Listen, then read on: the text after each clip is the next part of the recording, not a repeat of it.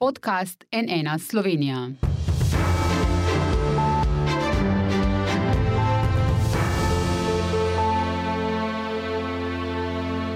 Dobr dan. Gledate predzadnje soočenje strank na NN pred nedeljskimi parlamentarnimi volitvami. Mnoge pomembne teme so v tej kampanji skoraj spregledane. Stranke jih v programih sicer imajo, a so po mnenju poznavalcev ukrepi presplošni, brez jasnih zavez in rokov. Ali jih bomo dobili danes? Z nami so Tanja Fajon, socialni demokrati, zdravko počevalšek, konkretno povežemo Slovenijo, Marjan Šarec, lista Marjana Šarca in Jožef Horvat, Nova Slovenija, krščanski demokrati. Dobr dan, dobrodošli na NN. Dobr dan. Ampak še preden se lotimo omenjenih tem, pa tista, ki je zaznamovala drugo polovico tega parlamentarnega mandata, čas vlade Janeza Janše in bo, glede na napovedi, najverjetneje tudi prihodnje mesece. Deset dni pred volitvami so maske prenehale biti obvezne. Profesor Roman Jerala z Kemijskega inštituta je ob tem v odmevih opozoril, citiram, zelo verjetno, da bodo nove različice bolj kužne od prejšnjih, ne vemo pa, ali bodo tudi bolj nevarne. Uh, zanima me, uh, še to je dejal, ne, nedvomno je treba zelo spremljati in se pripraviti na jesen. Zdaj, to, kako bo politika upravljala z epidemijo, lahko sklepamo tudi iz njenih preteklih dejanj, gospod Počivalšek, gospod Horvat. Uh, kot izhaja iz zapisnikov svetovalne skupine, vaša vlada večkrat ni upoštevala mnenja stroke glede ukrepov. Zakaj bi vam verjeli, da boste, če boste ponovno vi na oblasti, tokrat, uh, tokrat ravnali drugače, gospod Počivalšek? To preprosto ne drži, kar ste zdaj povedali. Glede mask na prostem, glede policijske samo, ure, glede zapiranja občine in regije. To je, enostransko, to je enostransko uh, stališče, ki ga poudarjate. Ki izhaja iz zapisnikov. Vse odločitve, ki jih je vlada sprejemala, so bile sprejete po temeljiti diskusiji na eni strani stroke, na drugi strani uporabnikov in na sredini vlada, ki je odločitve, ki jih je sprejemala, sprejemala na način, da bomo najbolj korektno in konkretno eh, dosegali borbo proti temu, da se COVID ne bi širil. Na vseh sestankih, ki smo jih imeli, je bila stroka prisotna zraven, zdaj, če so pa ločena mnenja, tudi stroke, taka ali drugačna, smo to na koncu koncev skupaj z njimi dogovorili. Najbolj eh, vzorčen primer tega je diskusija koncem lanskega leta, eh, ko smo imeli strani stroke dva stališča, popoln lockdown.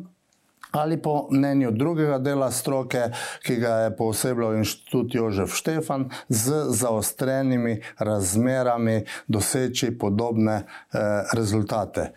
Normalno je, da smo se na vladi odločili za ta drugi del na predlog stroke, ki ima manjše ekonomske posledice. Tako torej, da to enostransko, to enostransko uh, trditev, uh, da nismo upoštevali stroke, ne spremem in ne drži. Izhaja iz zapisnikov gospod Horvat. Ne, ne izhaja iz zapisnikov, to so tendenciozne izjave posameznikov v strokovni skupini. Gospod Fafangal, dr. Fafangal, glavni epidemiolog v državi, je dvakrat izstopil iz svetovalne skupine, uh, njihovo mnenje ni bilo upoštevano. Je eden od skupine. Je pa glavni epidemiolog v državi, gospod Horvat.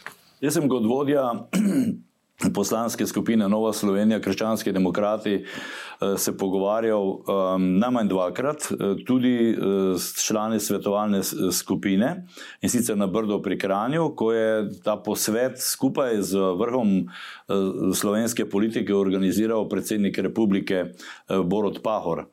Takrat je svetovalna skupina dobila eksplicitno vprašanje, ali vas politika spoštuje, ali vaše na svete politika implementira v svojih odlokih. In člani svetovalne skupine so povedali: ja, ja. In uh, gledajte, ko je ta vlada imela prvo tisto nočno sejo 13. marca leta 2020, zdaj smo že malo pozabili, je vlada zasedala z zaščitnimi maskami. Marsikdo se je potem uh, temu posmehoval. Vaš predsednik uh, je rekel, da samo ure... za fototermin. Vaš predsednik Tonin je takrat na moje vprašanje odgovoril, da so jih imeli gor samo za fototermin. To je treba Jaz, povedati. jaz, jaz to ne vem, Glejte, jaz to Jaz ne pa vem. vem, ker sem ga vprašal. Ampak, ampak tudi če samo za fototermin, bilo je pa zelo močno sporočilo, da gre za zelo resno zadevo. Virusa SARS-CoV-2 nišče takrat ni poznal in še danes mnogih en, in, enačic, inačic uh, marsikdo seveda ne pozna. Ne vemo, kaj nas čaka v jeseni in tu je profesor Jarala zelo dobro povedal. Um, mi, krščanski demokrati, pač uh, nekako pozivamo, apeliramo vsakega državljana na osebno odgovornost. Zaščitna oprema, zaščitne maske niso, niso odveč. Dobro, gospa Fajon, eh, kako bi se vi pripravili na jesen, če boste čez dobra dva meseca v novi vladi? Zgledovala bi se po tistih vladah, predvsem imamo v mislih predsednice Finske, Nove Zelandije, tudi ne na zadnje kanclerke v Nemčiji, ki so za zelo pomirjujočo ali pa mogoče z empatijo do ljudi, da so povedali, je težka situacija, potrebujemo vašo pomoč. Um, upoštevala stroko, ampak dala tudi ljudem poziv, sodelujmo skupaj, da premagamo to bolezen na pomirjujoč način. Pripraviti se je treba. In pripraviti se je treba. Glejte, jaz bom povedala eno svojo izkušnjo najprej, ker sem sama bolnica z kronično boleznijo, s krvnim rakom, ko se je začel prvi val epidemije, ko je vlada naredila zapore občin in ko je svetovala, da ostanemo doma v izolaciji zaradi prenosa virusa.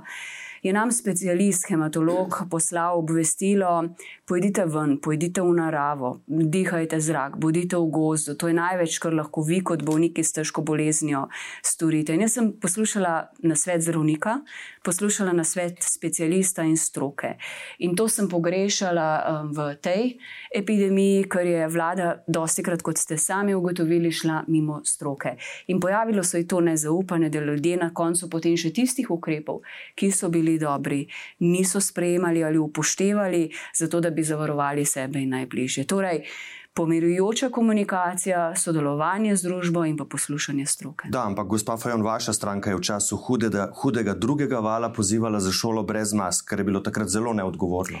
To ne drži, ne? zdaj tu moramo razjasniti. Pojavil se je, je, ne? pojavil se je v situaciji, ko je šlo za to, ko smo imeli zelo dolgo zaprte šole in ko je šlo tudi za najmlajšo generacijo. Nikoli stranka socialnih demokratov ni nasprotovala nošenju mask. Nasprotno, jaz sem vedno pozivala, spoštujte ukrepe, ki so higiena rok, ki so nošenje mask, ki so varna razdalja. Spoštujte ukrepe stroke, zato da zaščitite sebe in svoje najbližje. Ampak, gospa Fajon, maske v zaprtih prostorih so eden učinkovitejših ukrepov, dokazano. In v času, ko Drži. so mnogi starši že tako protestirali proti maskam v šolah, še podpihovati proti maskam, videli smo tam le ne, vaš, eh, rekel, promo, uh, promo sliko, namesto da bi se zauzemali za odprte šole, ampak z maskami, je bilo to od vaše stranke neodgovorno. Ni res, da COVID za otroke ne predstavlja nevarnosti. Slovenija je, bilo, je bila recimo po številu primerov več organskega vnetnega sindroma, ki je posledica COVID-a, glede na število prebivalcev, celo v svetovnem vrhu. Ampak- se zaradi takšnih pozivov nič ne čutite? Glejte, še enkrat, to ne drži, da smo pozivali, še enkrat, ne drži, da smo pozivali k nenošenju mask. Pozivali ste k Opozorili smo mask. na nesmisle, ki se pojavljajo. Ne pozabite, da smo v Sloveniji imeli najdlje zaprte šole. Otroci niso bili toliko žrtve COVID-a, um, niso obolevali kot so, da bi s hudimi posledicami, kot da so bili veliki prenašalci za starejše ali za ranljive ljudi. Zdaj pa čisto iskreno, ko imaš otroka, ki ga imaš v telovadnici, mehkega, prvi, drugi, tretji, četrti razred. Težko si je predstavljati disciplino nošenja mask leto, dve in dolgo zaprte tudi šole. Pa če bo stroka Zdaj- za jesen ponovno priporočila Še ali pa enkrat, zapovedala, če bo šole, stroka eh, v šolah? priporočila nošenje mask, vedno, vedno smo pozivali k spoštovanju nošenja mask. Dobro. Nikoli, da se tega ne počne. Gospod Čarec, kaj bi vi naredili drugače jeseni? Slišali smo upozorila strokovnjakov. Ja, eh, se strinjam, da še ne vemo, kaj nas čaka jeseni, zato bo do jeseni nujno treba takoj tudi reorganizirati delovno skupino za COVID. Mislim, da ti ljudje so izgubili kredibilnost, ne vsi, To strokovno svetovalno strokovno skupino. svetovalno skupino, eh, tudi direktor NIJZ-ja. eh, Vemo, da še danes ne nosi maske tako, kot je treba, pa smo ga opozarjali na to večkrat. Jaz sem ga na enem izmed snavov osebno upozoril na to, da naj vsaj on za božjo voljo nosi masko tako, kot je treba, če želi, da jo bodo tudi drugi. To je prvi ukrep. Drugi ukrep je seveda, da mora naslednja vlada graditi zaupanje, da bodo ljudje vse te morebitne ukrepe, če, če bodo potrebni, da ljudje ne bodo enačili z nepodporo vladi. Kajti največji problem je bil zdaj, da so ljudje nepodporo ukrepom, ki so nekateri bili taki kot tudi v Evropi, drugi spet ne, ampak ne podporo ukrepom so enačili z nepodporo vladi. Tako da uh, se strinjam, da komunikacija ni ukrep, je pa sredstvo, ki reši 80 odstotkov težav, kajti če ljudje ne zaupajo, so vsi ukrepi za manj. Poleg tega je treba tudi v državnem zboru se lotiti zakonodaje, spet govorim na podlagi zaupanja.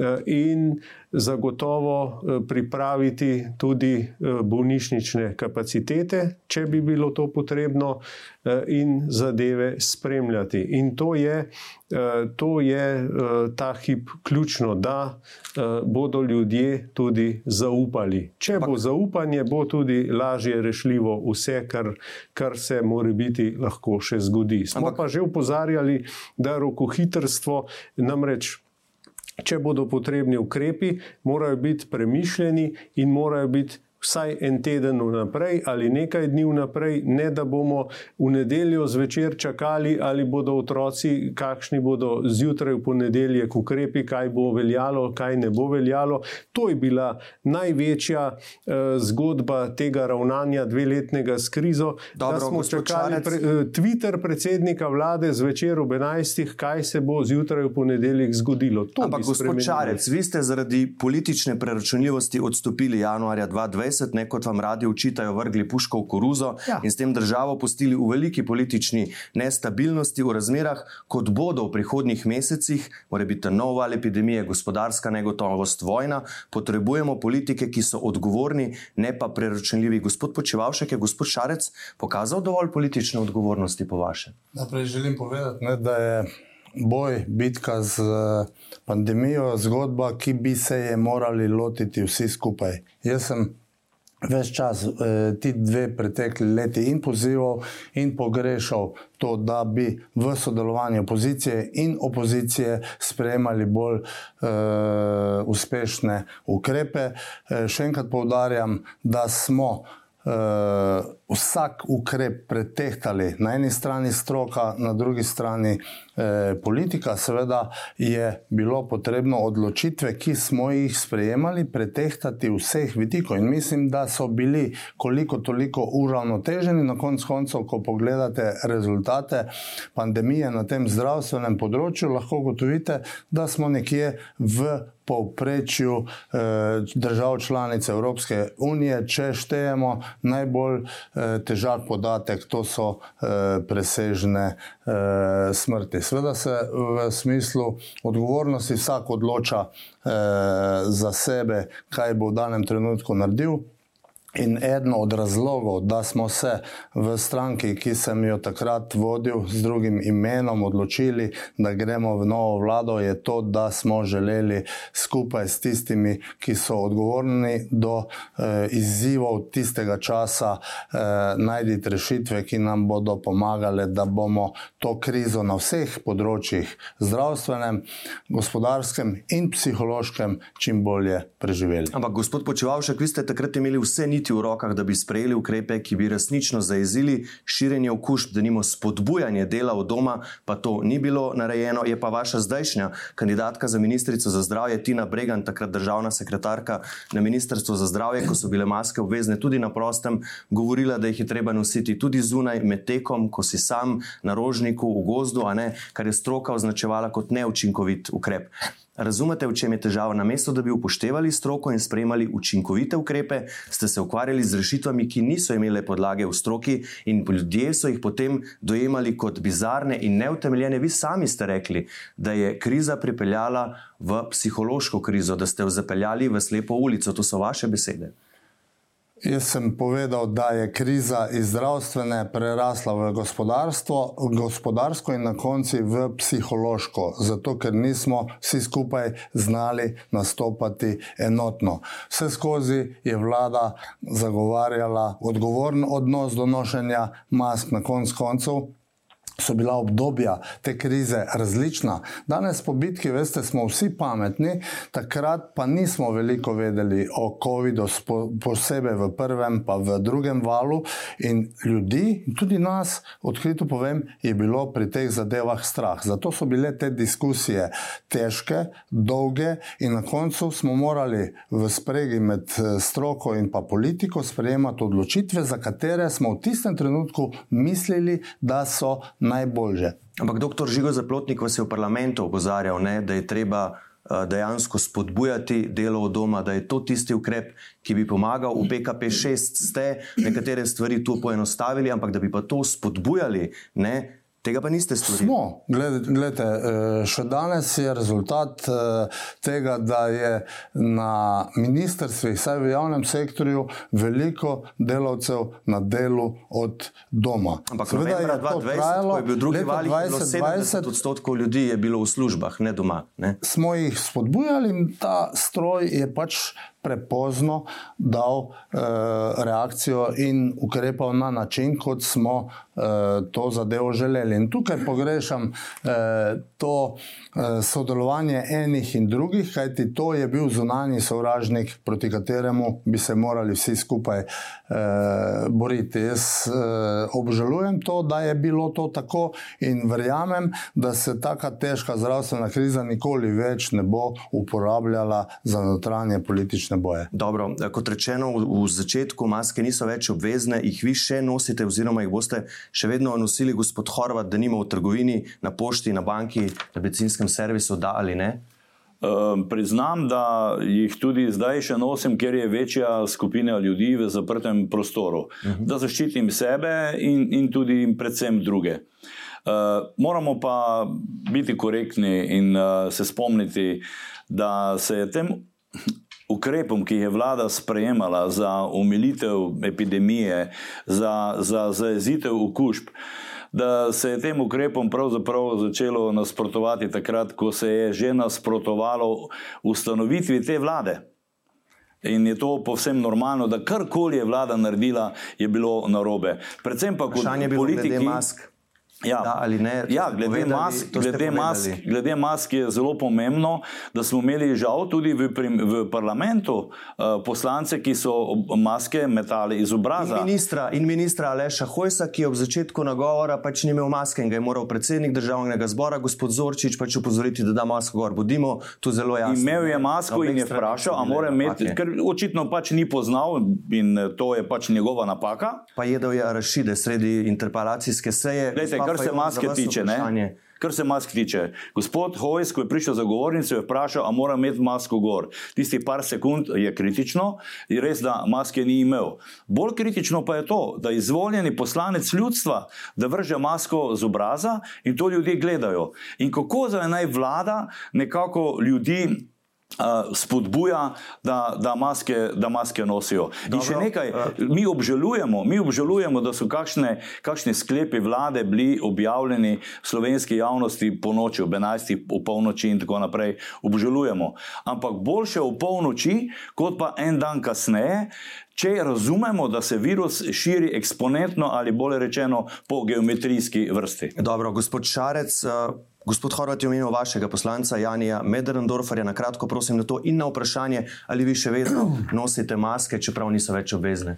No, eh, kar se tiče prej, moram še odgovoriti na tisto politični oportunizem, ko sem odstopil. Takrat, ko sem sam odstopil, eh, še ni bilo COVID-a. Zagotovo ne 29. oziroma 27. januarja vemo, kje je to, poglejmo časovnico in, in bomo Kaže videli. Način delovanja na kitajskem se je pa že vedelo, a ne govorilo o. Ne, gledajte, Portugalska je imela tudi vmes med epidemijo volitve, tudi druge države so imele volitve demokracija je tekla dalje in storil sem demokratično dejanje. In na to sem že večkrat odgovoril.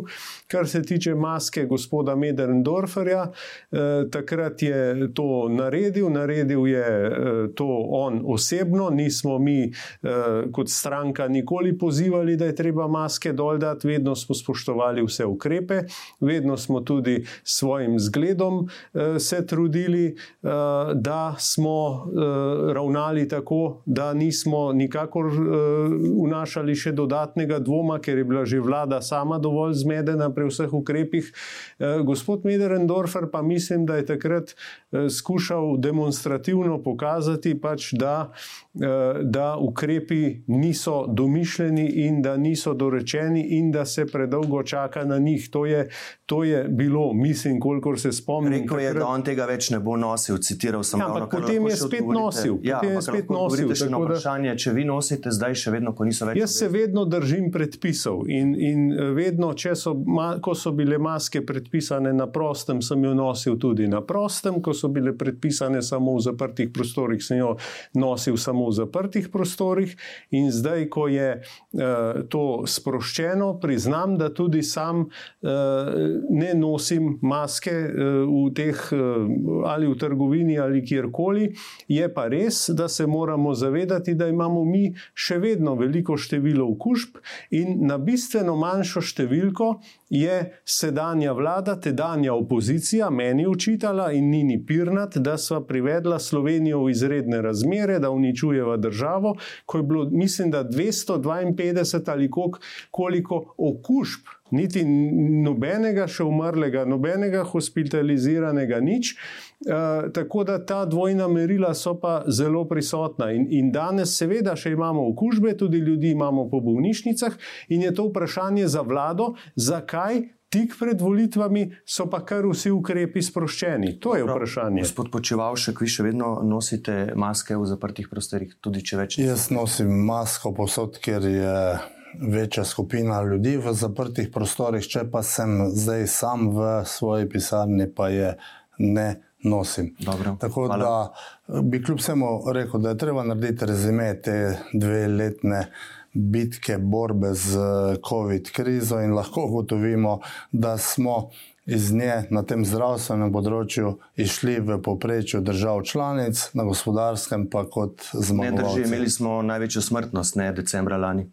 Ne, ne drži. Poglejte, vse številke, lete številke. Glede kažejo, na sledilnik COVID-19, gospod Počevalšek, smo imeli. Glede na število presežnih smrti, če preanalizirate obe dve leti, smo, ne glede na to, da je pri nas precepljenost dosti nižja, v poprečju držav članic Evropske unije. In vse ostalo je zavajanje. Na gospodarskem področju pa smo zmagovalci boja proti COVID krizi. Gospa Fajon, vi še vedno nosite maske v zaprtih prostorih?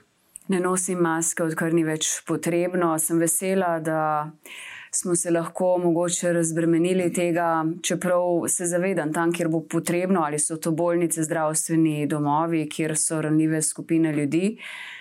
Kot tudi jaz sama, če jo bom dala gor. Absolutno, kot sem jo tudi v preteklosti. Sem bila veliko na poti, veliko na avionih, veliko tudi po tujini. Je maska postala ena taka navada, ne?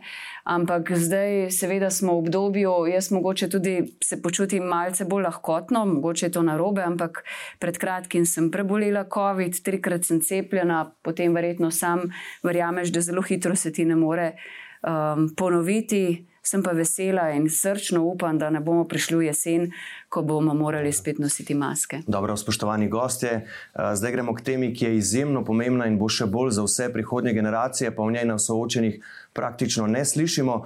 Poslušajte dr. Žigo Zaplotnika, ki je za današnje soočenje pripravil poseben nagovor. Fizikalni dokazi za naše delovanje, oziroma o tem, kako naše delovanje spremenja podnebje, so povsem jasni. Jasno je, da smo sestavo atmosfere spremenili mi ljudje. Torej smo mi sami povzročili podnebne spremembe. Jasno je tudi za koliko. Že leta 1990 je prišlo prvo poročilo IPCC, medvladnega panela za podnebne spremembe. Letos je išlo že šesto. Tudi posledice podnebnih sprememb so že dobro vidne v okolici. taljenje kopenskega in morskega ledu, dvig morske gladine, spremembe vremenskih vzorcev, potem spremembe morskih tokov, intenzivnejši, kratkotrajni padavinski dogodki, ki povzročajo tako imenovane hitre, hipne poplave, in pa seveda naraščajoča vročina, ki je v nekaterih delih sveta bo do konca stoletja, oziroma že od nekje sredine stoletja naprej, povzročila, da bodo ti deli sveta, predvsem v tropskih predeljih, za nekaj dni na leto praktično nenaseljivi za ljudi. Smo leta 2022, še vedno nekateri podnebne spremembe nekoliko zanikajo ali pa jih vsaj ignorirajo. Zavedati pa se moramo, da bo vsakršna ignoranca oziroma posledice nje, da bodo nosili naši otroci in njihovi potomci. Torej, slišali smo, spoštovani gostje, dovolj je bilo floskoli in načelnih stališč o tem, da je nekaj treba narediti. Dr. Zaplotnik skupaj s kolegi znanstveniki Lino Bolka, Blažen Gasparinjem in Aljošo Slameršakom meni, da je mogoče sprejeti konkretne ukrepe, ki bi pomenili spremembe. Zato njih in javnost zanima, s katerimi ukrepi točno boste v naslednjem letu zmanjšali emisije toplogrednih plinov za 4,7 odstotka, kolikor jih moramo v povprečju zmanjšati vsako leto glede na prejšnje, da bomo v skladu s cilji Evropske unije Fit for 55, gospa Fajon. Absolutno se strinjam s povedanim. Slovenija je premalo ambiciozna, cilji so visoki, zavezali smo se znotraj Evropske unije k oglično neutralni družbi, ampak se bojim, da zdaj tudi z vojno v Ukrajini, ko se spreminja naša energetska um, samozadostnost in se odpirajo nova vprašanja, se odmikajo tudi ambiciozni cilji. Zdaj, konkretno, Kako, kaj lahko rečemo, če pogledamo samo promet. Promet je veliko nasneževalec tudi s fosilnimi gorivi. Slovenke in Slovenci imamo izjemno eh, veliko svojih osebnih vozil, tu je trajnostna mobilnost. Zagotavljati trajnostno mobilnost, to pomeni na eni strani krepiti javni potniški promet, primestne, mestne tudi železnice, prehod s tovornim prometom na železnice, s cest. Torej, v prometu lahko zelo veliko naredimo. To je na kratki rok. Zdaj, ko gre, mi smo že nekaj ukrepov naredili, umik plastike, ampak kot posameznik posamezniki, da privrčujemo doma.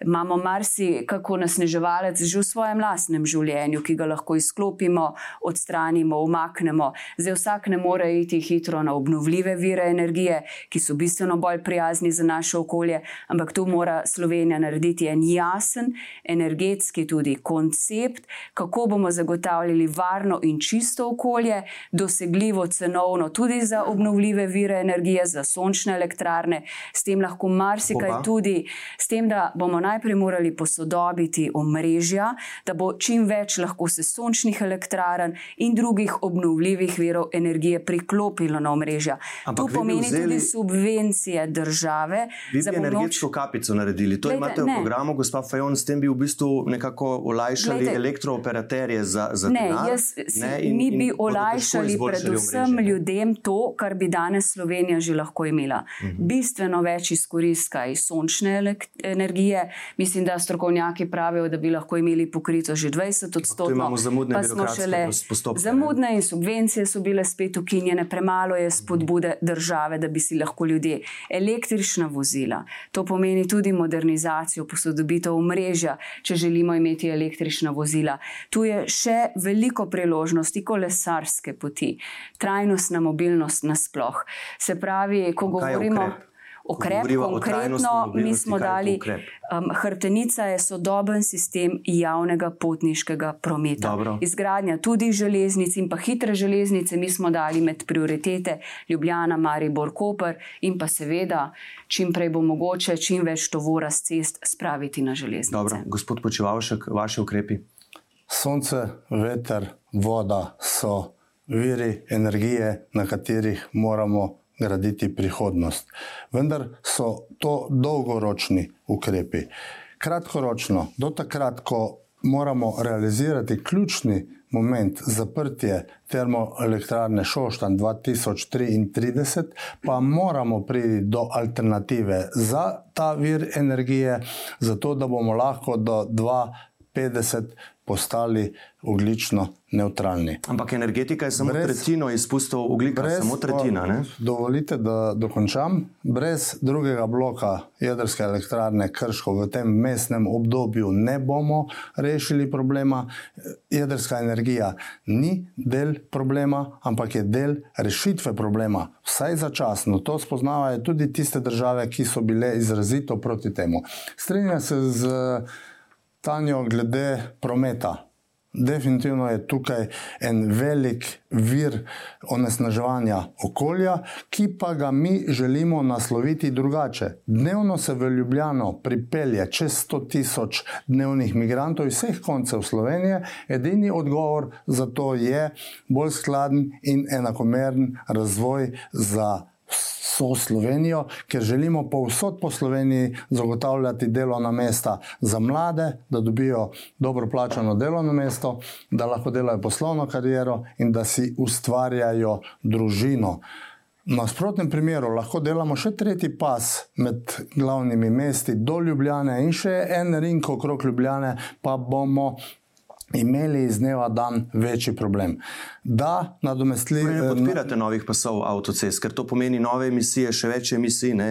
In ne gre potem pričakovati hitre nove, nove, nove, nove, nove trakove rabimo za eh, tranzitni del, če to ugotovimo, da je potrebno. Ključni in prvi korak je, da omogočimo, da čim več ljudi dela tam, kjer je, da negujemo slovenski način življenja, ker je privilegij živeti na deželi, na vasi, na drugi strani pa da so komunikacije in pa promet samo na tistem področju, kjer je to najnujnejše. Torej, da so ljudje doma, da delajo doma, da se ne vozijo toliko. To je vaš ukrep, če sem pravilno razumel, gospod Šarec, vaše ukrepe. E, torej, vsekakor nismo za širitev mestnih upadnic, e, mi bolj stavimo na razvoj železniškega prometa in nasploh javnega prometa, kajti e, zdaj se ljudje tudi ne vozijo z javnim prometom, ker ni ugoden, ker je časovno potraten, ker je Eh, ker, ker tudi so stara vozila in tako naprej.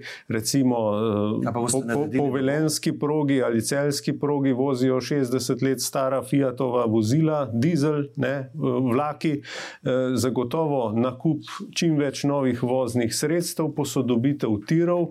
Tukaj ne govorim zgolj o hitri progi med Mariborom in Koprom, ki mora biti, če govorimo o hitrem vlaku, kot ga pojmujemo, z velikimi hitrostmi. Je, ta proga je lahko samo del e, širšega evropskega koridorja. Govorim o posodobitvah obstoječe železniške povezave. Mi praktično nimamo potniške povezave s Koprom, ker je vse podrejeno tovornemu prometu.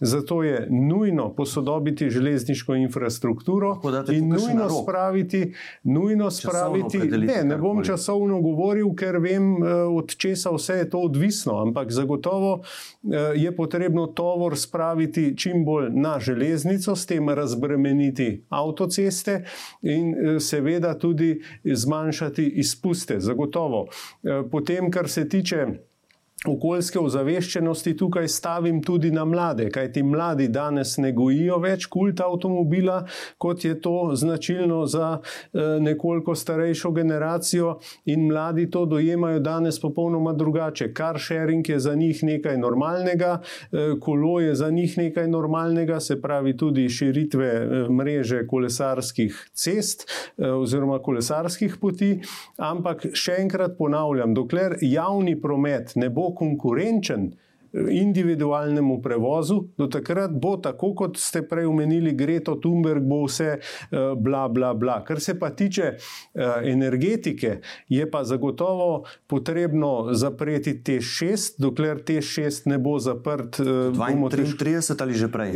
Ja, takrat, ko bo možno, ne, mi ne moremo teša šest kar zapreti, če potem nimamo alternative. Ne, zato, Jedrske ne bomo čez noč zgradili. Ne, ja, nove. seveda ne. Treba se bo tudi pogovoriti, kakšen ali drugi blok nuklearke, uh, o čemer se govori že zdaj, ali več manjših reaktorjev po vzoru Francije. Tukaj bo treba spet imeti diskusijo. In zato, ko me sprašujete za roke, veste, jaz ne bi licitiral zdaj, uh, do katere letnice je treba nekaj narediti. Uh, če danes pristopimo k temu in če danes zavihamo rokave in trdo delamo, bomo težko ujeli vse roke, ki smo si jih zadali ali pa ki, ki si jih zadala, ki smo si jih zadali v okviru Evropske unije. Kaj te leto 2030 je praktično tukaj, potem 2050 se zdi danes oddaljeno, ampak tudi to bo hitro minilo. In Slovenija uradno ta hip je v družbi ambicioznih držav. Še, še v času naše vlade smo bili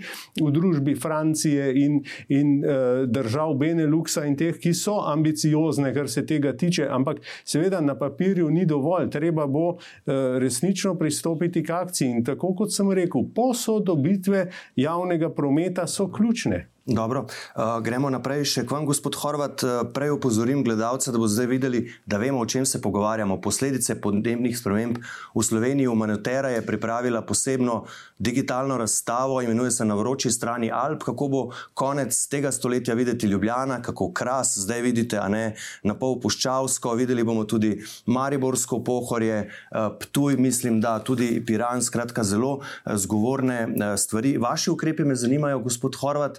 Vaš ministr za infrastrukturo Jrnej Vrtovec se zauzema za nove pasove avtocest, torej seveda ga pri tem podpirate. Kakšni pa so vaši ukrepi za razogličenje slovenske družbe, ki bi lahko učinkovali takoj?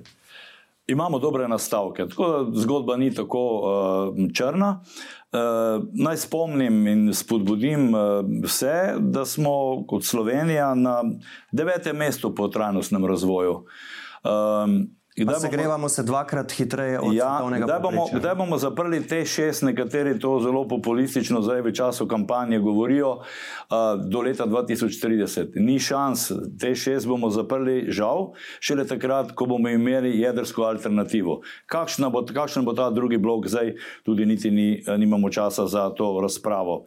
Uh, Mi bomo nadaljevali s tem, kar smo pokazali, pokazali že doslej. Ne na zadnje, moramo spomniti, da smo v lanskem letu kot eh, država izdali desetletne obveznice v višini ene milijarde, ki morajo služiti, ta ena milijarda evrov mora služiti izključno investicijam, eh, ki pomenijo trajnostni razvoj. Eh, ko omenjate našega ministra Jrneja Vrtovca, je treba omeniti tudi, da imamo investicije v železniško infrastrukturo takšne, kot jih že dolgo nismo imeli, če sploh kdaj. Eh, ko govorimo o, o um, ja, o, tem, o, o prometu kot ključnem onesnaževalcu. Tukaj uh, je Nova Slovenija vedno zagovarjala skladni regionalni razvoj. Zakaj se mora toliko ljudi vsak dan voziti, recimo v Ljubljano, tudi iz Prekmorja? Tudi iz Prekmorja. Zato, ker se praktično, kar zadeva razvoj, uh, uh, iz Ljubljane v Prekmorje ne vidi. Bom tako plastično povedal. Skladni regionalni razvoj bo omogočil delovna mesta tam, kjer živimo. Ne vsa, ampak bo zmanjšal uh, promet. Kar zadeva e-mobilnost z področja dela od doma, ne bi bilo morda marsikaj uh, lažje. Gospa Fajon, želeli ste eh, besedo? Če, če smem, če ja, smem tem... samo še en stavek. Ja, drugi kolegi so ja. imeli daljšo minutažo. Kar zadeva e-mobilnosti. Mi imamo v strateških dokumentih zapisano, da bomo do leta 2030 To je praktično jutri, imeli približno 200 tisoč električnih avtomobilov. Nekdani direktor Elektra Ljubljana je povedal, ne bo šlo, bo omrežje počepnilo. To je vedel povedati, ni pa na tem področju naredil nič, ko je imel ta, to odgovornost. In tukaj imamo problem, eh, oziroma kar več problemov, ki se nam. Glede, imamo investicijska sredstva, tudi če hočete pri EBRD-ju, za to, da se ukrepi uh, uh, omrežje. Poleg tega potrebujemo pametna omrežja, potrebujemo in spodbujali bomo, ni res, da so se ukinile subvencije za sončne elektrarne. Denar je zmanjkalo in tako je vlada odobrila nadaljnih 15 milijonov. To je približno 7 do 8 tisoč elektrarn na letni ravni. Jaz jo doma imam in vem, kako te zadeve delujejo. V tej smeri moramo spodbujati, ampak ne more pa 4 tisoč ljudi oziroma 4000 vlog čakati eh, na nekem elektroljubljana ali Maribor, kjerem koli, da pač birokrati pogledajo, ali se lahko neka hiša priključi v, v mreže svojo sončno elektrarno. Zelo malo imamo konkretnih zavez, smo v bistvu slišali od vas, pa vemo od danes naprej, da nima v Sloveniji živimo na kreditne. Porabili smo že vse vire, ki jih zemlja lahko obnovi v enem letu. Dan ekološkega dolga je bil namreč včeraj uh, za svet, je ta datum letos 30 četrti Slovenija ga je dosegla že prej. Še enkrat, eh, nekako bolj plastično razložim, tri zemlje in pol bi rabili, če želimo še naprej živeti tako, kot živimo sedaj. Gospa Fajon, izvolite, imate besedo. Ni planeta B, je rekla mlada generacija, ko nas je upozorila, ampak jaz bom zelo jasno povedala, ponovila um, eno od naših zavez in to je, da bomo v prvih sto dneh vlade sprejeli energetski koncept samo preskrbe za Slovenijo. Nobeni vladi do zdaj v resnici ni uspel, vedno se zgubljamo v tem, kako bomo samozadostni in kako bomo diversificirali vire. Zdaj smo mogoče malo bolj prisiljeni iti v to smer. Govorimo, da ja, te šest, jaz bi si želela, da bi ga že zaprli. Tudi, da se ne bi ukvarjali z jedrsko energijo in elektrarno v Sloveniji. Ampak dejstvo je, da brez tega ta hip nismo samo zadostni, da gre tu za en resen, strateški, strokovni in težek finančni razmislek. Zdaj pa še konkretno, ker se mi zdi, da je pomembno. Že gre sam za samo miselnost, pa spremembo življenjskih vzorcev. Um, eno je seveda te veliki projekti, kako bomo samo zadostni ali samo preskrbni.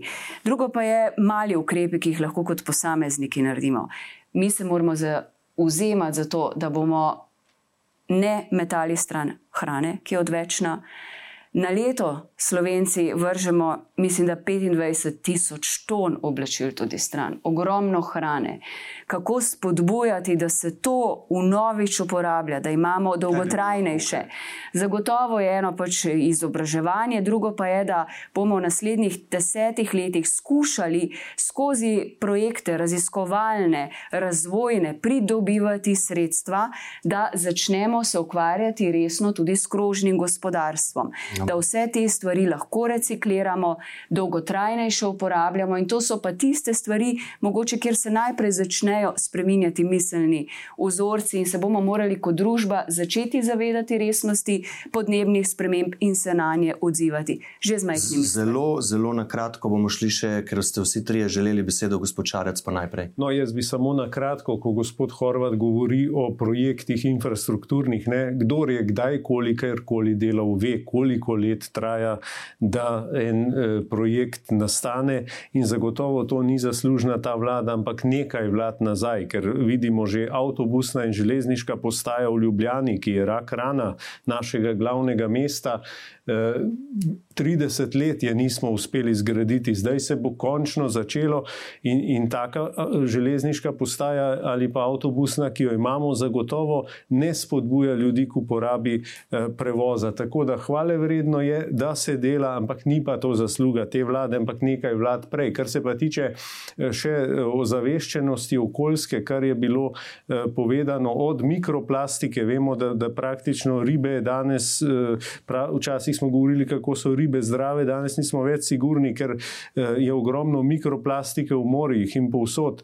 In vsa ta področja bo treba eh, nasloviti, ne more Takšen tega narediti da. samo vlada. Tukaj je spet, bom povedal, ozaveščanje je ključno, je pa res, moram pa še nekaj realno povedati, ne? ko gremo čez mejo na Hrvaško, že tam niti odpadkov še ne ločujejo, ker so dali moratorij do ne vem, kjerega leta. Tako da zagotovo nisem tukaj odvetnik Slovenije ali kakorkoli in pravilno se ugotovili, da se segrevamo, ampak eh, tukaj, če ne bo celotna Evropska unija naredila skupnimi močmi tega, kar mora, potem tudi sama Slovenija ne bo mogla veliko Dobro, ampak tudi Kitajsko bi lahko razdelili na 602 milijonskih pokrajin, pa se potem sklicevali, da nobena od njih ne more ničesar spremeniti. Jaz sem samo realno gospod... povedal. Ne, ne, ja. mi nikakor ne govorim mm -hmm. s tem, da, da moramo mi dati roke v zrak in reči, drugi morajo narediti. Mm -hmm. Jaz sem povedal, katere ukrepe je treba narediti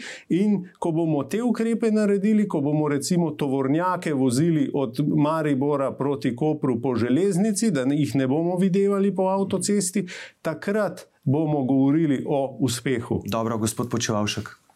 Konec je obdobja, ko smo izvažali smeti in uvažali poceni energijo. Zato je ena od šestih točk gibanja Povežimo Slovenijo v programskem smislu digitalni zeleni prehod in pa krožno gospodarstvo. Digitalni prehod ima vpliv tudi na to, da bomo več delali doma in skozi manj prometa, manj onesnaževali eh, okolje. Zeleni prehod pomeni, da bomo morali v vsakem gospodinstvu, v vsakem podjetju narediti rezime tega, kar počnemo danes v energetskem smislu, pogledati naprej in se racionalno zorganizirati. Krožno gospodarstvo pa brez zamere ne pomeni nič drugega, kot to, kar smo na kmetijah imeli 30 in več let nazaj, ko smo vse to, kar smo naredili, porabili in ni bilo odpadkov. Danes pa greste v eno od trgovskih verig, kupite nekaj hrane in imate embalaže za vem, dva zabojnika. To obdobje je, po mojem mnenju, na koncu svoje razvoja in tukaj so pomembne, potrebne, eh, po, pomembne spremembe. Zaključil bi samo s tem, eh, kar se mi zdi pomembno, da se zavedamo v Sloveniji, da te šest lahko zapremo šele takrat, ko bomo za to imeli alternativo. In da samo z sončnimi celicami in paneli ne moremo nadomestiti teša šest, kot pravijo nekateri tudi pretendenti za visoke politične položaje danes. Gospod Horvat, Če gremo naprej, ministr za kmetijstvo, tudi kandidat za poslanca vaše stranke Jože Podgoršek je na oddihu, kot pravi, zaradi obilice obveznosti v hotelu pozabil plačati račun v višini 800 evrov. Se je vam, gospod Horvat, že kdaj zgodilo, da ste pozabili plačati račun v hotelu po koncu oddiha, oziroma kaj bi si mislili o človeku, ki ne bi plačal računa v višini 800 evrov, če ne bi bil član vaše stranke Nove Slovenije? Meni se to nikoli ni zgodilo. Um, kar se pa tiče naše koalicije, smo pa prva koalicija, ki je v koalicijsko pogodbo zapisala tudi geotermalno energijo. Prihajam iz območja, kjer je te Kaj energije ogromno. Kaj bi si mislili? Ker je te energije ogromno.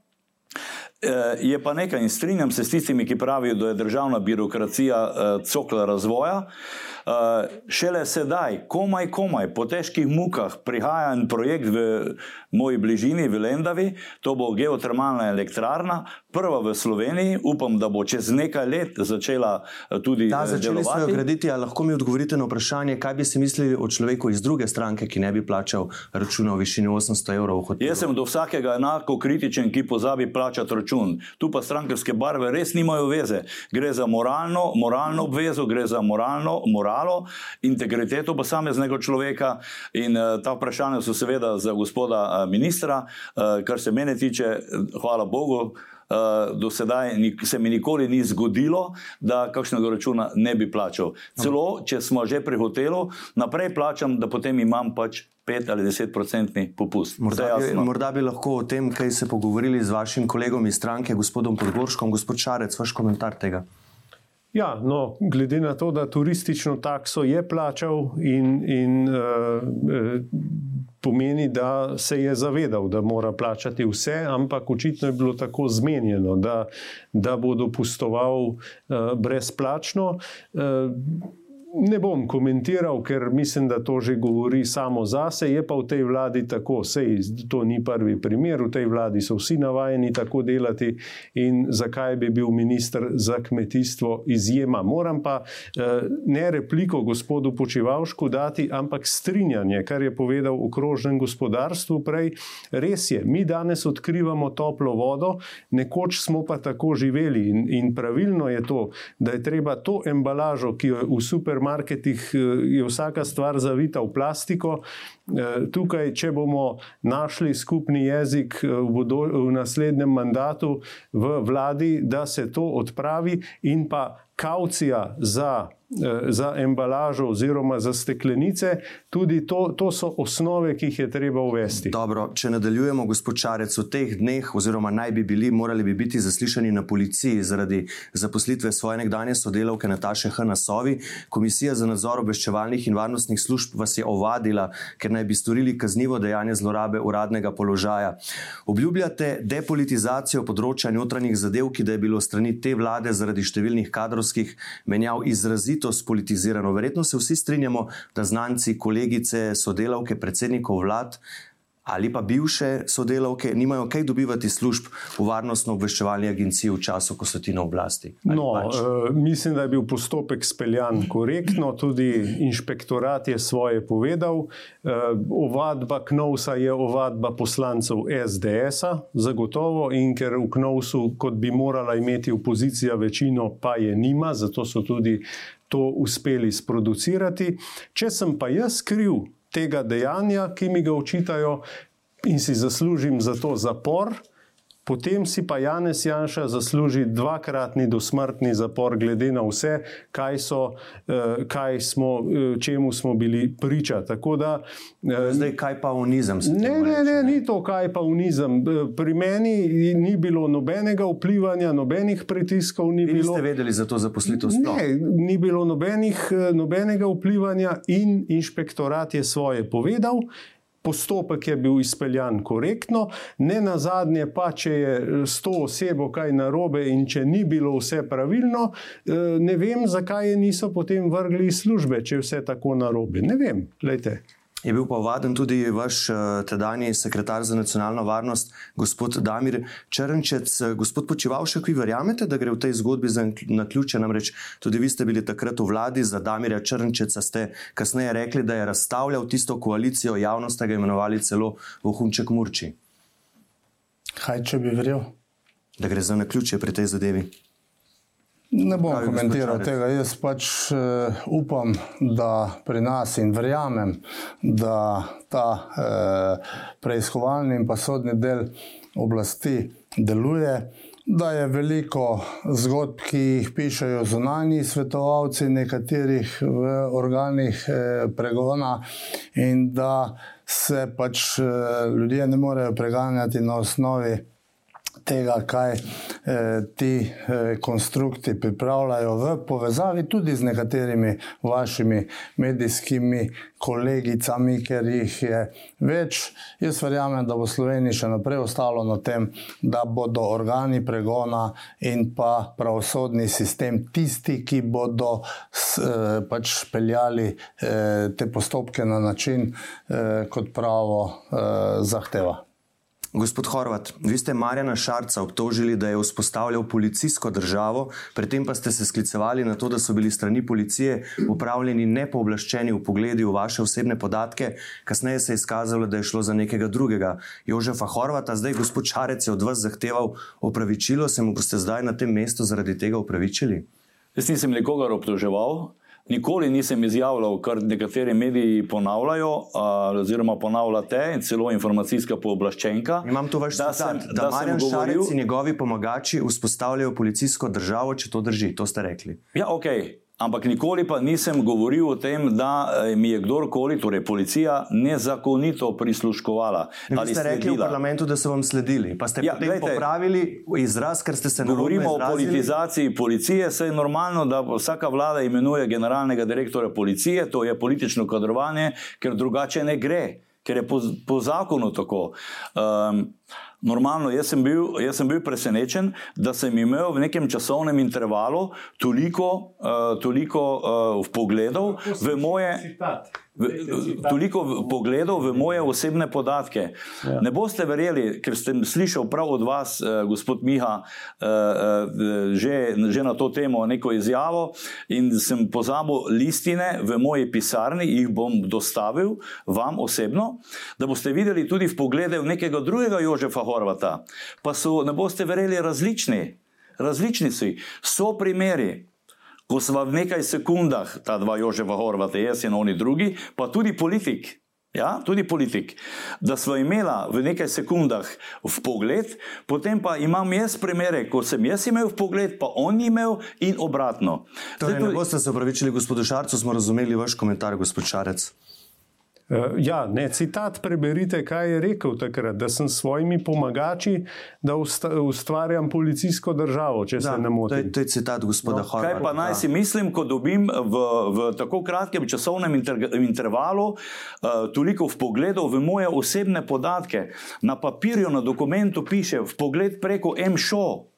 To je direktni pogled. Preko... Je potem povedala, ne, da ni šlo za to, kar ste vi govorili. Kaj pa je povedala? Da ni šlo za Jožefa Horvata, poslanca Jožefa Horvata, ampak nekega drugega Jožefa Gospod Horvata. Ona je rekla, da nas je 180 in da smo tako vsi je. enako obravnavani. Je tako? Gospod. Drži. In to ni res, nismo enako obravnavani. Zato vam ravno govorim, vam dostavim listine dveh Jožefov Horvatov, dveh eh, politikov. Dobro, gospod, Horvat, gospod Horvat, eh, če kdo v tej Sloveniji verjame, da je mene 20 do polnoči eh, pred polnočnico zanimalo, kaj počne Jožef Horvat, Horvat, mislim.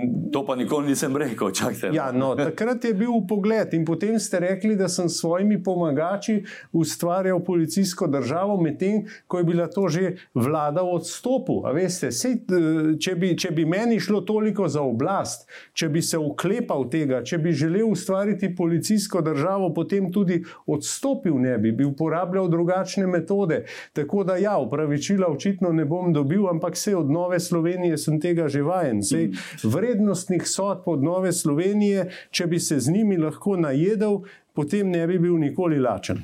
No, od te debate država Slovenija, državljanke in državljani gotovo ne bodo boljše živeli. Potem gremo naprej. Mene, mene je pa zadeva zelo zabolela, ker sem. Ker sem Ker me je bilo strah, ja, strah me je bilo. Ojoj. Zakaj pa danes ti ni teh pogledov? Zdaj bi pa daj nekdo dal ta, ta odgovor.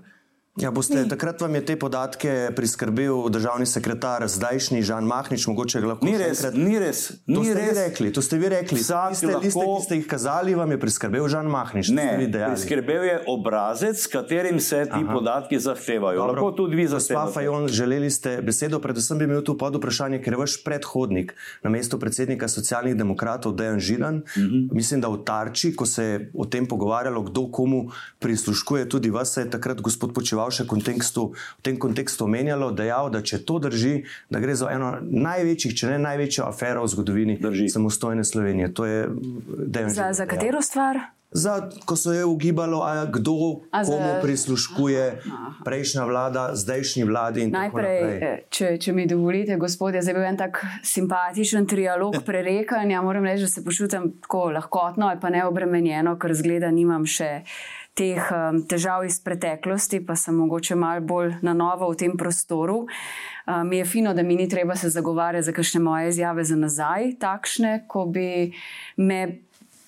Obremenile, ampak če zdaj komentiram, pa gospoda Židana, ne vem, kaj točno se je takrat, pa mi ne zameriti, sem spremljala, ampak sem spremljala iz Evropskega parlamenta. Če je bilo karkoli, pa da se vam more kdo ali kdorkoli upravičiti, Nasedel je Novi Sloveniji, vam bom pa jaz povedal. Nasedel je Novi Sloveniji in gospodu Toninu. Zdaj pa čakajte, no, uh, dajmo, dajmo zdaj postaviti eh, realno časovnico. Tarča je bila, oba s gospodom Židonom uh, sva sodelovala in točno to je povedal, kar ste, gospod voditelj, tudi citirali. Uh, jaz sem pa papirje pokazal v parlamentu nekaj mesecev pred odstopom gospoda Marjana Šarca. Toliko, da bo vsem jasno. Eh, to ne drži, vi ste papirje kazali in zraven govorili, da je bilo največ upogledov takrat, ko se je formirala nova vlada Jana Zajanša, to je bilo pa februarja in marca 2020. Zdaj gremo pa naprej, gospod Horvat. Uh, namreč poglejmo tale posnetek, ki smo ga objavili v začetku tega meseca.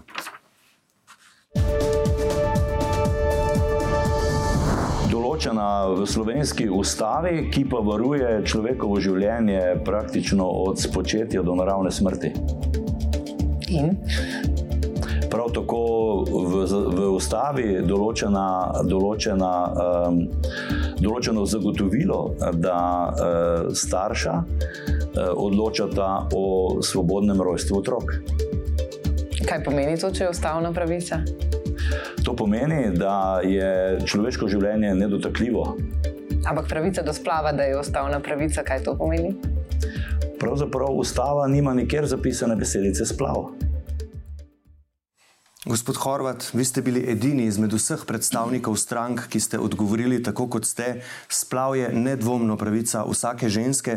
Gospod Fajon, kakšen je vaš komentar tega, kar smo ravno kar slišali in videli? Um, zdaj, se mi zdelo, da je bilo malo kontradiktorno, kar smo slišali, ali pa nasprotujoče. Jaz vsekakor sem velika zagovornica pravice do splava in do vsega, kar je s tem povezano, da ženska lahko sama odloča o svojem telesu več. zakonodaj smo to sprejemali. Včasih me skrbi, da nekatere države delajo korake nazaj, ampak pravica do splava absolutno mora ostati temeljna pravica in da ženska lahko sama odloča o sebi gospod, in svojem telesu.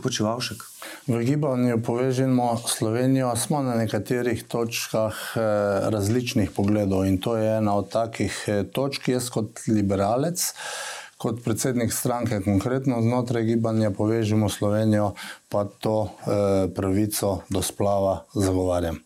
Kako ocenjujete tako stranko, gospod Šarec, s takimi stališči? Srednjeveško in farizejsko.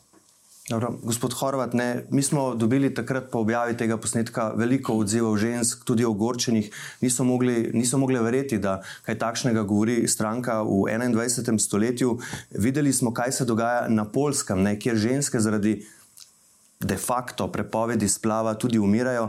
Najbrž si tega ne želite pri nas, gospod Horvat. Ne, ne želim si, sem krščanski demokrat in ponavljam. Um, Besedice splav ni zapisane v slovenski ustavi, zapisana pa je na nek način nedotakljivost ali pa svetost, če hočete, človeškega življenja. Da, v 17. členu. Ja, drži. In uh, zapisana je tudi uh, pravica uh, staršev, da svobodno odločata o rojstvu otrok. Če berete razlago ustave, bi bilo priporočljivo, Eh, nikjer ne boste eh, zasledili, da se v tem členu odpira pravica do eh, splava.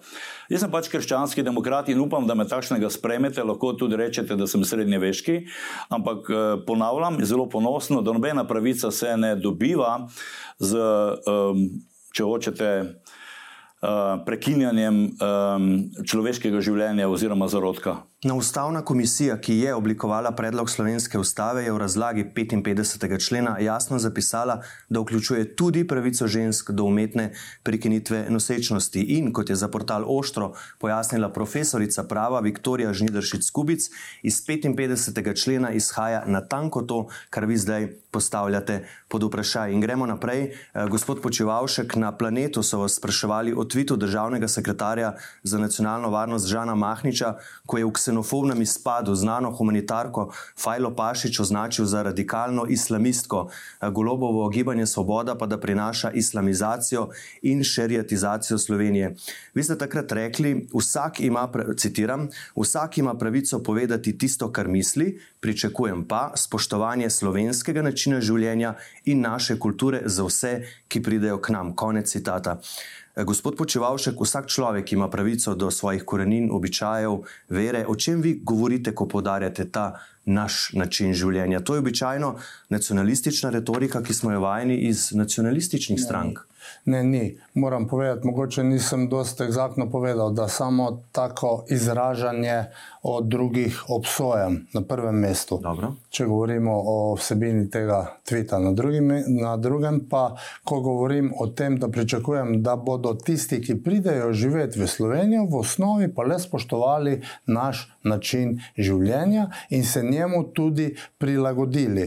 Tukaj ne gre za doben nacionalizem. Če nekdo pride v Slovenijo, verjamem, da mora sprejeti tiste osnovne naše kulturne vrednote ob spoštovanju njegovih verskih, nacionalnih ali kakršnih koli drugih eh, prepričanj. Ne moremo se mi prilagajati tistim, ki pridejo, ampak tisti, ki pridejo k nam, se morajo prilagoditi eh, nam. Seveda pa v enem primeru ne gre tu za eh, neke ekstremne zahteve po tem, eh, kaj morajo narediti. Pusti druge, da živijo tako kot je, ampak spoštuj nas, ki smo tukaj. Gospod Fajon, je to nacionalizem? Glede, jaz sem samo zdaj vmes razmišljal, da so to popolnoma dve ločeni zadevi. Ne? Eno je seveda obsodba, če se nekomu pripiše nekaj na podlagi rase, diskriminacije, se ga obsodi islamofobije in ne islamofobije, islamizma in ne vem kaj. Tega je absolutno preveč v naši retoriki, tudi v političnem prostoru. In zaradi tega smo imeli velike težave v Sloveniji, ko smo imeli velik migranski in begunski val leta 2015 in 2016, ravno zaradi tega, ker so bile nevarne izjave politikov. In sem to izjavo in ta tweet obsodila enako, kot sem se zgrozila, ko je predsednik državnega sveta Kous rekel, da bi z veseljem vse bele moške na meji z Ukrajino vrnil nazaj v Ukrajino. To so izjave nevredne politika.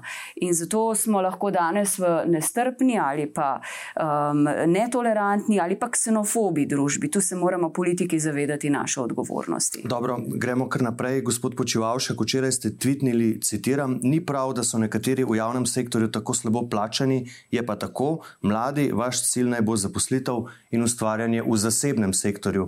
Kakšno sporočilo pošiljate tu zdravnicam, medicinskim sestram, vzgojiteljem, negovalkam, čistilkam, fizioterapeutom, vsem, na katerih temelji naša družba? To je javni sektor, potrebujemo vse te ljudi in vedno bolj jih bomo. Njim sporočam, da ni prav, da so tako slabo plačani. Zakaj pa niste potem to tako napisali? Tako piše v prvem delu, na drugi eh, točki pa pozivam mlajše generacije, da naj pogledajo v prihodnost tudi v zasebnem sektorju. Oba sektorja sta približno enako pomembna, dejstvo pa je, da mlade potencijale želim videti tudi v gospodarskem delu, zato ker ta del omogoča socialno državo in javni sektor. Ta moja izjava je uravnotežena do enega in drugega, predvsem zato, ker se mladi v tem trenutku, po moji oceni, preveč nagibajo v javni sektor. Ampak vi ste jim rekli, da ne grejo v zasebni sektor, ampak je pa vsekakor to dobro izhodišče za naslednjo temo, to pa je kultura, ki je izjemno pomembna tako za družbo kot za posameznika. Eh, zanimajo me trije konkretni ukrepi, s katerimi boste ukrepili položaj kulture in kulturnikov, gospod Šarec. Začniva mi dva. Uh, torej, 240 milijonov ali koliko je zdaj proračun za kulturo, kar je res uh, kar precejšna številka, vendar uh, kam gre ta denar, je pa drugo vprašanje. Mi imamo ogromne probleme samo zaposlenih v kulturi, potem upraviti je treba revizijo podeljevanja statusov.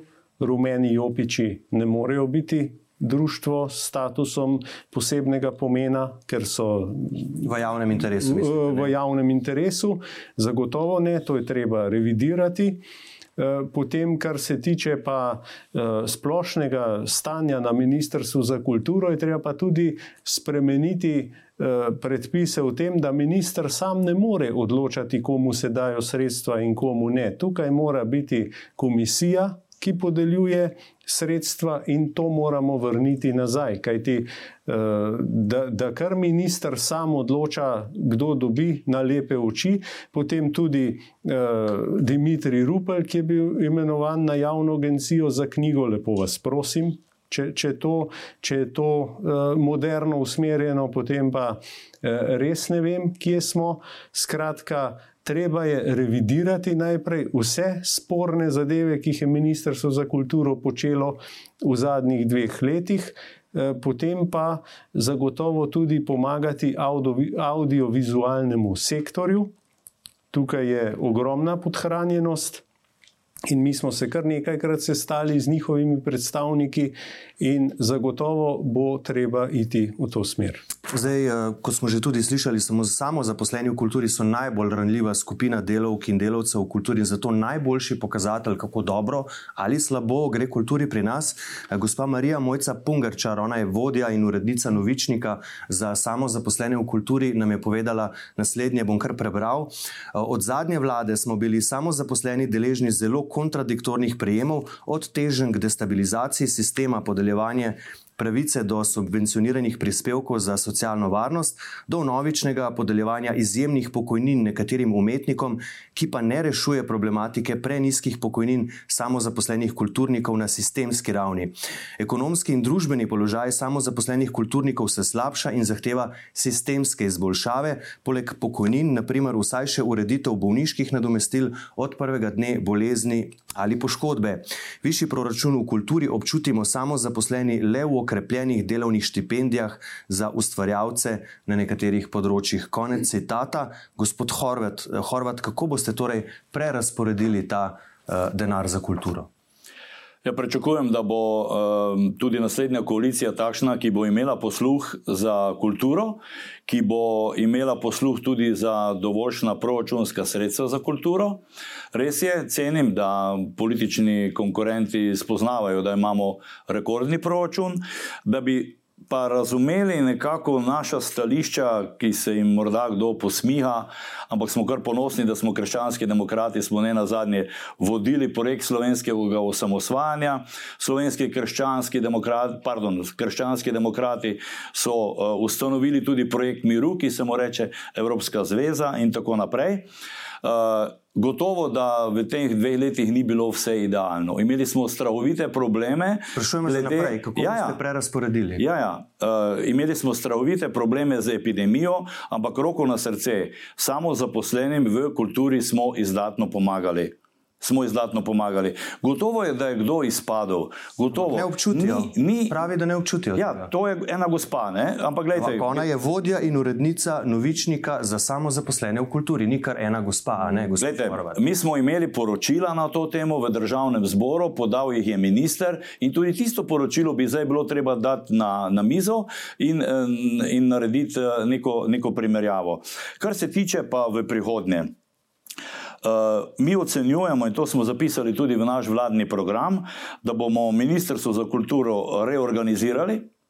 Ustanovili bomo uh, področne agencije za gledališče, uh, glasbeno dejavnost in tako naprej, ker ker je kultura tako pomembna zadeva za naš narod, za našo državo, da ne more kar eh, minister z neko ožjo ekipo eh, obvladovati. Eh, tukaj nas čakajo pomembni koraki tudi v smeri pluralnosti medijev in mi bi prepustili več svobode, več svobode tudi državljankam in državljanom, ki bi naj namenili do 3% dohodnine, recimo za, za, posamezne, uh, za posamezne eh, medije. Uh, gospod, uh, najprej gospod Počevalšek, ne treba je tu povedati, drama se ne objav, obnavlja, nuk dve se ne gradijo, umetniki so bili v tem času označevani za prisesance, kulturniki pravijo, da komisije niso strokovne, ministrstvo za kulturo je v štiriletnem programskem razpisu na področju umetnosti, ki jih bo v letih 2022 do 2025 sofinancirala država iz proračuna, izključilo številne, med drugim gledališče Glej, ki je najstarejše neodvisno gledališče v Sloveniji, pa zavod Maska, mesto žensk žensk in tako naprej. Neodvisna scena se šibi. O čem se pogovarjamo tu, ko pravite, ne, tudi slišali smo gospoda Horvata, da gre kulturi dobro? Glejte, potrebno je povedati, ker ste pregovorili o ukrepih zadnje vlade na področju kulture, da je ta aktualna vlada tudi SPM znotraj kulture namenila univerzalni temeljni dohodek v času najhujše eh, pandemije in to večkrat za daljše obdobje. In to so vsi SPI znotraj kulture čutili, tudi navedena gospa, v to sem globoko prepričan. Situacija znotraj kulture je različna različnih, na različnih področjih, na nekaterih je potrebno izrazito povečati sredstva, zato da bodo tisti deli lažje preživeli jaz pač podpiram in bomo podprli vse, tudi investicijske dejavnosti na jedrnih eh, zadevah znotraj kulture, ki ste jih sedaj eh, omenili. E, potrebno pa je povedati, da zagovarjamo znotraj gibanja Povežimo Slovenijo tudi en ukrep, ki, je, e, ta, ki ga je takoj možno realizirati. Javna sredstva Republike Slovenije namenjena samo za slovenske avtorje. Jaz mislim, da to ni nacionalizem. Koliko pa, o kakšnih sredstvih govorimo tu? Govorimo o sredstvih, ki se eh, iz javnih virov, občin, eh, tudi državnega dela, eh, izobraževalnega sistema namenjajo za avtorje, predvsem znotraj glasbe iz drugih področji, ne samo iz Slovenije. Tukaj pričakujem, da bomo pomagali domačim avtorjem. In še ena stvar, če mi dovolite. Tudi v kulturi pričakujem, da bodo tam, kjer je to možno, na nek način delali in gledali tržno. In v tem kontekstu smatram, ne, da je kulturi možno ali pa moramo omogočiti ta tržni del, predvsem skozi turizem, to delamo eno in drugo ministrstvo, na področjih, kjer pa to ni možno, pa bo morala država kulturi iz proračunskih sredstev nameniti več denarja. Ja, tu je treba povedati, gospod Fajon, če sekunda sem z vami, ekonomist z ekonomske fakultete Andrej Srakar ne, je v svoji analizi podatkov statističnega urada za 65 sektorjev slovenskega gospodarstva ugotovil, ne, da je vsak evro uložen v kulturne storitve prinese nazaj 1,4 evra. Torej, multiplikator znaša 1,4, to pravijo izsledki Inštituta za ekonomska raziskovanja. Gospa Fajon, kako bi vi recimo prerasporedili ta sredstva, to, kar sem prej spraševal? Dobre zglede tudi iz Dunajske prestolnice, podobne kot ste zdaj sami navedli. Zdaj, absolutno ne drži, kar je bilo povedano. Kultura, sem zelo vesela, da ste odprli danes to temo, ker ne smemo zanemariti. Kultura, samo zaposleni v kulturi, nevladni sektor je bil močno prizadet in močno odrinjen skozi zdravstveno situacijo. Zakaj to govorim? Ker imam sama del um, družine, ki je povezana in s kulturnim in z nevladnim sektorjem. Zelo težko jim je bilo. Niso dobivali zadosti spodbud, zlasti ne samo zaposleni v kulturi, ni bilo dovolj, kar je bilo narejeno in ne drži, da jim gre dobro. Treba je področje samozaposlenih v kulturi sistemsko urediti. Tega se moramo lotiti. Kako? Mi smo zelo resno v stranki vzeli, zelo resno, ker smo imeli tudi dva bivša ministra za kulturo nedolgo nazaj, področje samozaposlenih posebej v kulturi. Smo se sestajali celo leto, zdaj za samozaposlenimi, z asociacijo, s kolegi, tudi nevladniki. Glejte, Nevladni sektor ali samozaposleni v kulturi sistemsko urediti pomeni, prej ste omenili bolniške, omenili ste tudi ugodne štipendije, marsikaj se da pri spodbudnih razpisnih mehanizmih narediti, ampak bistveno več je treba urediti status samozaposlenih in nevladnih organizacij v Sloveniji. Vlada je objavila, verjetno se še spomnite, črni seznam nevladnih organizacij v Sloveniji. Tudi marsikatera sredstva so bila nevladnemu sektorju odrezana in to uglednih. Mislite na tweet predsednika vlade, ki je Ja, označil. Predsednika vlade, ki je marsikatero Dobro. družbeno koristno, dobrodelno organizacijo označil na črno listo. Ja, To se spraševal zdi, se je, če, če kdo pozna operandi. dosežke, ampak to smo že govorili Ja. v tem studiu. Gospa Fajon, predsednik vašega podmladka Luka Goršek je pri nas na NN povedal, da je SD-ov kandidat za ministra za kulturo Dejan Prešiček, ta pa je, spomnimo, leta 2019 odstopil zaradi očitkov o šikaniranju in mobingu v času ministrovanja. Gospod Šarec, vi ste zahtevali takrat in seveda sprejeli njegov ponujeni odstop, pa ne samo njegovega, tudi obeh državnih sekretarjev. Se vam zdi primerno, da je ponovno? Lahko samo- Eh, Ne, ne, to je vprašanje za gospoda Šarca. Ni, bilo Mi dokaz, nisem- so, je, ni bil obsojen, ampak ne odstopil- obsojen. odstopil ja, pa je. Ampak Zdaj postopek zanima- je zaključen in ni bilo nič od tega res. No, ne. ampak zanima Ja. me za gospoda Šarca. Ker to je vam treba primerno, vedeti, Da je ne? to ponovno SD-ov kandidat za, za ministra za kulturo. Počakajte. Glejte, v naši vladi so bili standardi in minister Prašiček je takrat sam sprejel uh, odločitev, da bo odstopil. Oba Vi ste pa tudi- izrazili pričakovanja določena, a ne? Ja, imeli smo standarde, kaj naj rečem, ampak to ne pomeni, eh, da tudi recimo naš Dari Krajčič, ki je imel eh, s sendvičem eh, tisto afero takrat, če bi želel danes kandidirati pri nas za poslanca, bi mu jaz to z veseljem omogočil, ker sta s svojim odstopom oba pokazala, kaj so standardi, kaj je integriteta in zdaj, če mu ni bilo nič dokazano, če se ni nič zgodilo, je to pomeni, da je rehabilitiran. Sej uh, pri nas imajo tudi zaporniki. Po prihodu iz zapora eh, spet priložnost živeti kot vsi drugi državljani. In še enkrat ponavljam, gospod Prešiček je takrat to odločitev sprejel sam, ker se je tudi zavedal naših standardov v tej vladi, da ne boste rekli spet, kaj pa oni, ne? ampak dve leti smo gledali, eh, mislim, da, da to, kar se je učitalo gospodu Prešičku takrat, je bizarno proti vsem tem, ko ministri ne plačujejo hotelov, ko so v kazenskih postopkih, No, je pravosodni minister. zahtevali takrat tudi a ne, predstavniki aktiva delavcev v kulturi Ja. in zaposleni in tako Ampak naprej. vsak Tudi do človek si- tragičnega dogodka je pri takrat Na- prišlo. predsednik vlade je bil- da pojasni. Predsednik, samo še to, Tanja, potem pa zaključim. Predsednik vlade je prišel iz zapora, pa danes vodi vlado, tako da gospodu Prešičku na tem mestu pa res ne bomo učitali teh zadev. Dobro, gospa Fajon. Vlade je danes tudi v kazenskem postopku, ki še traja, pa vodi vlado, pa ima pogojno kazen zaradi prostitutk in tvita, pa ne dviguje pošte, pa še marsikaj. In ja, Marjan, se strinjam, je odstopil takrat minister Semer je pokazal, da bo preiskava lahko normalno tekla in meseca zatem je bil tudi vseh obsod po šikaniranju, o mobigu, vsemu oproščen. Ne veste, ta rehabilitacija zna biti pa bistveno težja enkrat, ko si tako očrnjen. Ko pa je reč o tem, kdo je kandidat za kateri resor. Imamo pa toliko kandidatk in kandidatov. Dejan Prešiček vodi svet za kulturo in ga vodi zelo uspešno in se ravno za samo zaposlenimi v kulturi in z nevladnim sektorjem, mislim, da največ ukvarja. Da imamo v tem prostoru res v naši stranki močno e- strokovno ekipo.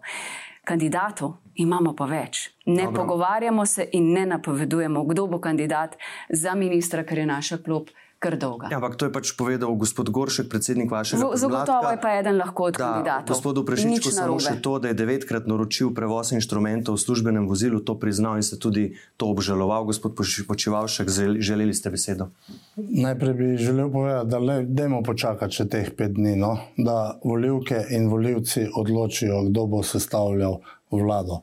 Tako da spoštujem še naprej načelo, da prvo nekaj naredimo, pa potem ukrepamo ali pa skočimo prvo, pa potem rečemo hop. Ne morem pa sprejeti eh, teh trditev, ki sem jih tukaj poslušal, ne, da je vlada popolnoma znegirala nevladne organizacije. Poglejte, številke razpisov in kdo vse je na teh razpisih dobil sredstva, pa boste videli, da je bila ta vlada bolj radodarna kot vse ostale. Zato moram reči, da če boste še desetkrat ponovili eh, te neresnice, vam ne morem pomagati, ker številke govorijo popolnoma drugače. Tisti, ki so pa Jaz kritični do vlade, so pa v nemilosti. a Ne? Ne, niso No, v nemilosti, niso ker so vsi, ki so kritični do vlade in kritični do vlade je ogromno in imajo možnost povedati svoje. Kar imajo proti vladi. Veste, Imajo, jaz verjamem, vlade jaz verjamem, potem, ne? ne, ne. Jaz verjamem samo Bogu, kar se teh številk tiče. Številke o tem, koliko smo pa dali nevladnim organizacijam, pa govorijo za sebe. Tako da dajte malo ne, ne, pogledajte, tu vam še- si ja. Tu vam bom prebral, kar pravi sindikat kulture Glosa. Citiram: skrbi Glejte, dejstvo. Ne, ne, številke. dovolite, Zdaj- gospod Počival, še glede številk. Skrbi dejstvo, da so na posameznih postavkah načrtovana znižanja. Do največjega reza prihaja na postavki spodbujanje kulturne ustvarjalnosti 6,4 milijona na 3,6 milijona, iz katere država sofinancira programe in projekte, ne boste verjeli, nevladnih organizacij. Iz navedene postavke država sofinancira programe in projekte številnih krovnih stanovskih združenj, med katerimi so tudi taka stoletno tradicijo. To je se Vlada tiče je za nevladne gospodarja. organizacije namenila več. Poglejte številke zdajšnje vlade in razpisov prej. Še celo več. Za digitalizacijo nevladnih organizacij smo namenili sredstva. Za zaposlovanje na eh, področju nevladnikov so pridobljena sredstva. Zato prosim, da ne zavajate in zdaj.